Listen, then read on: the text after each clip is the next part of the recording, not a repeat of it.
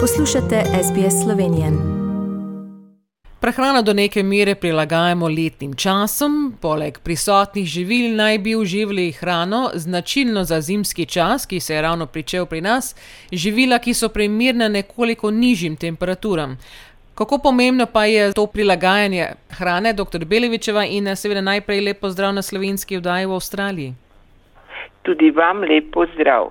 No, najbolje je, da zimska prehrana temelji na živilih, ki takrat naravno dozorijo, živilih bogatih z vitamini, minerali, antioksidanti in vlakninami tem času še posebej potrebujemo vitamine, pomembne za dobro funkcijo naše imunitete oziroma za boljšo odpornost. To so predvsem vitamin C, A, E, pa vitamin D in vitamini skupine B. Pomembni so tudi minerali, kot so cink, baker in selen. V zimskem času pa tudi bolj pogosto posegamo po jedeh eh, na žlico, kot so enolončnice in prikuhe. In vsekakor so najboljše nalončnice tiste, ki jih seveda pripravimo doma. Kaj pa nam lahko poveste o enolončnicah? Če jih pripravljamo sami, natančno vemo, kaj je v njih oziroma uporabimo kvalitetna živila. Priprava enolončnice je enostavna in pogosto hitra. No, kot povsod tudi tu obstaja nekaj izjem. V enolončnicah najpogosteje uporabimo zelenjavo, lahko svežo, lahko zamrznjeno, potem škrobno živilo, kot so kaše, krompir, polnozrnate testenine, riž in podobno, potem stročnice, pa meso in začimbe. Ne pozabimo tudi na gobe, pomembno je, da ne pretiravamo soljo.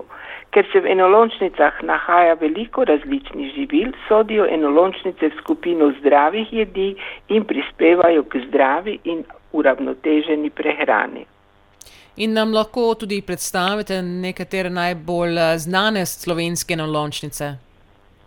Ječmenova kaša ali ješpren je osnova izdatni in okusni jedi mesno-zelenjavni enolončnici, ki jo pozna cela Slovenija in se najpogosteje pogosteje imenuje ričet.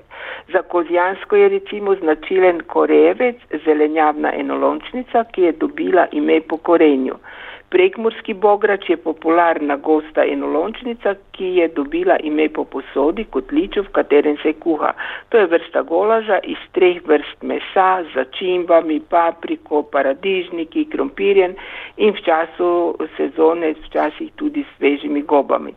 In kot zanimivost, vsako leto prirejajo pri nas tekmovanje v kuhanju bograča.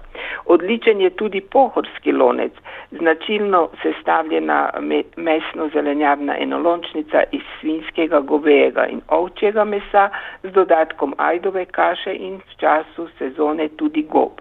Jota enolončnica iz kislega zelja, nekateri jo celo kuhajo iz kisle repe ali celo uh, svežega zelja in ohrota, potem v joto gre tudi seveda fižol, krompir, zabela, lahko moka, česen poper in druge začimbe. Znane so tudi različne mineštre in seveda uh, vsak kraj ima svojo značilno lokalno enolončnico, tako da bi lahko še in še naštevali. In verjetno te nalončnice ne bomo skuhali vsak dan, tako da kaj, če skupimo preveliko količino nalončnice? No, nič hudega. Če naredimo nekoliko preveč enolončnice, jo lahko s primernim shranjevanjem porabimo kasneje. V hladilniku bo zdržala dan ali dva, odvisno od sestavin, lahko pa jo tudi zamrznemo. Ne zamrzujmo pa enolončnic s testeninami, zato testenine vedno pripravimo in dodajmo ločeno, da se ne bodo razkuhale pri ponovnem segrevanju. In kakšen recept se nam eh, pripravi, prav gotovo bo tudi ena lunčnica. Seveda, to je, bo, bom rekla, nekoliko bolj sodobna, lahka enolončnica, v kateri lahko uporabimo različne vrste mesa. E, originalni recept išče zajčje meso, torej potrebujemo 60 dekagramov zajčjega mesa, dve čebuli, dve žlici olja, 40 dekagramov korenja, 80 dekagramov koromača, dva pora in pa recimo pol decilitra belega vina. Potem še začimbe, kot so sol, poper in peteršilj. Meso narežemo na koščke in popražimo na olju, ter dodamo sesekljano čebulo. Zalijemo in kuhamo tri četrt ure, zrežemo korenje, koromač in por, zelenjavo dodamo meso, solimo, popramo in dodamo še recimo tudi po svoji želji kako začimbo, dodamo vino in kuhamo še približno nekjer 20 minut, da je zelenjava kuhana. Torej gre za eno tako lahko, bolj sodobno enolončnico.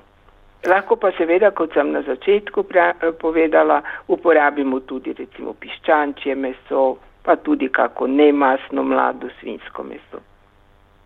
No, lepe nasvete, seveda, prav za, prav za tak čas, ki je ravno te dni tudi eh, mrzlo, pri nas je začela ravno zima, tako da ravno prav bo prišlo ta recept za tiste, seveda, ki si niso lahko takoj eh, zapisali. Seveda, to, ta recept bo tudi objavljen na naši spletni strani po tem pogovoru, po vdaji. Hvala lepa, dr. Belič, za te nasvete danes in seveda se priporočamo še, ko se bomo ponovno slišali čez 14 dni. Do takrat pa vam lepa pozdrav v Slovenijo. Hvala tudi vam, lep pozdrav iz Slovenije. Želite slišati sorodne zgodbe? Prisluhnite jim preko Apple ali Google podcasta, preko aplikacije Spotify ali kjerkoli drugje.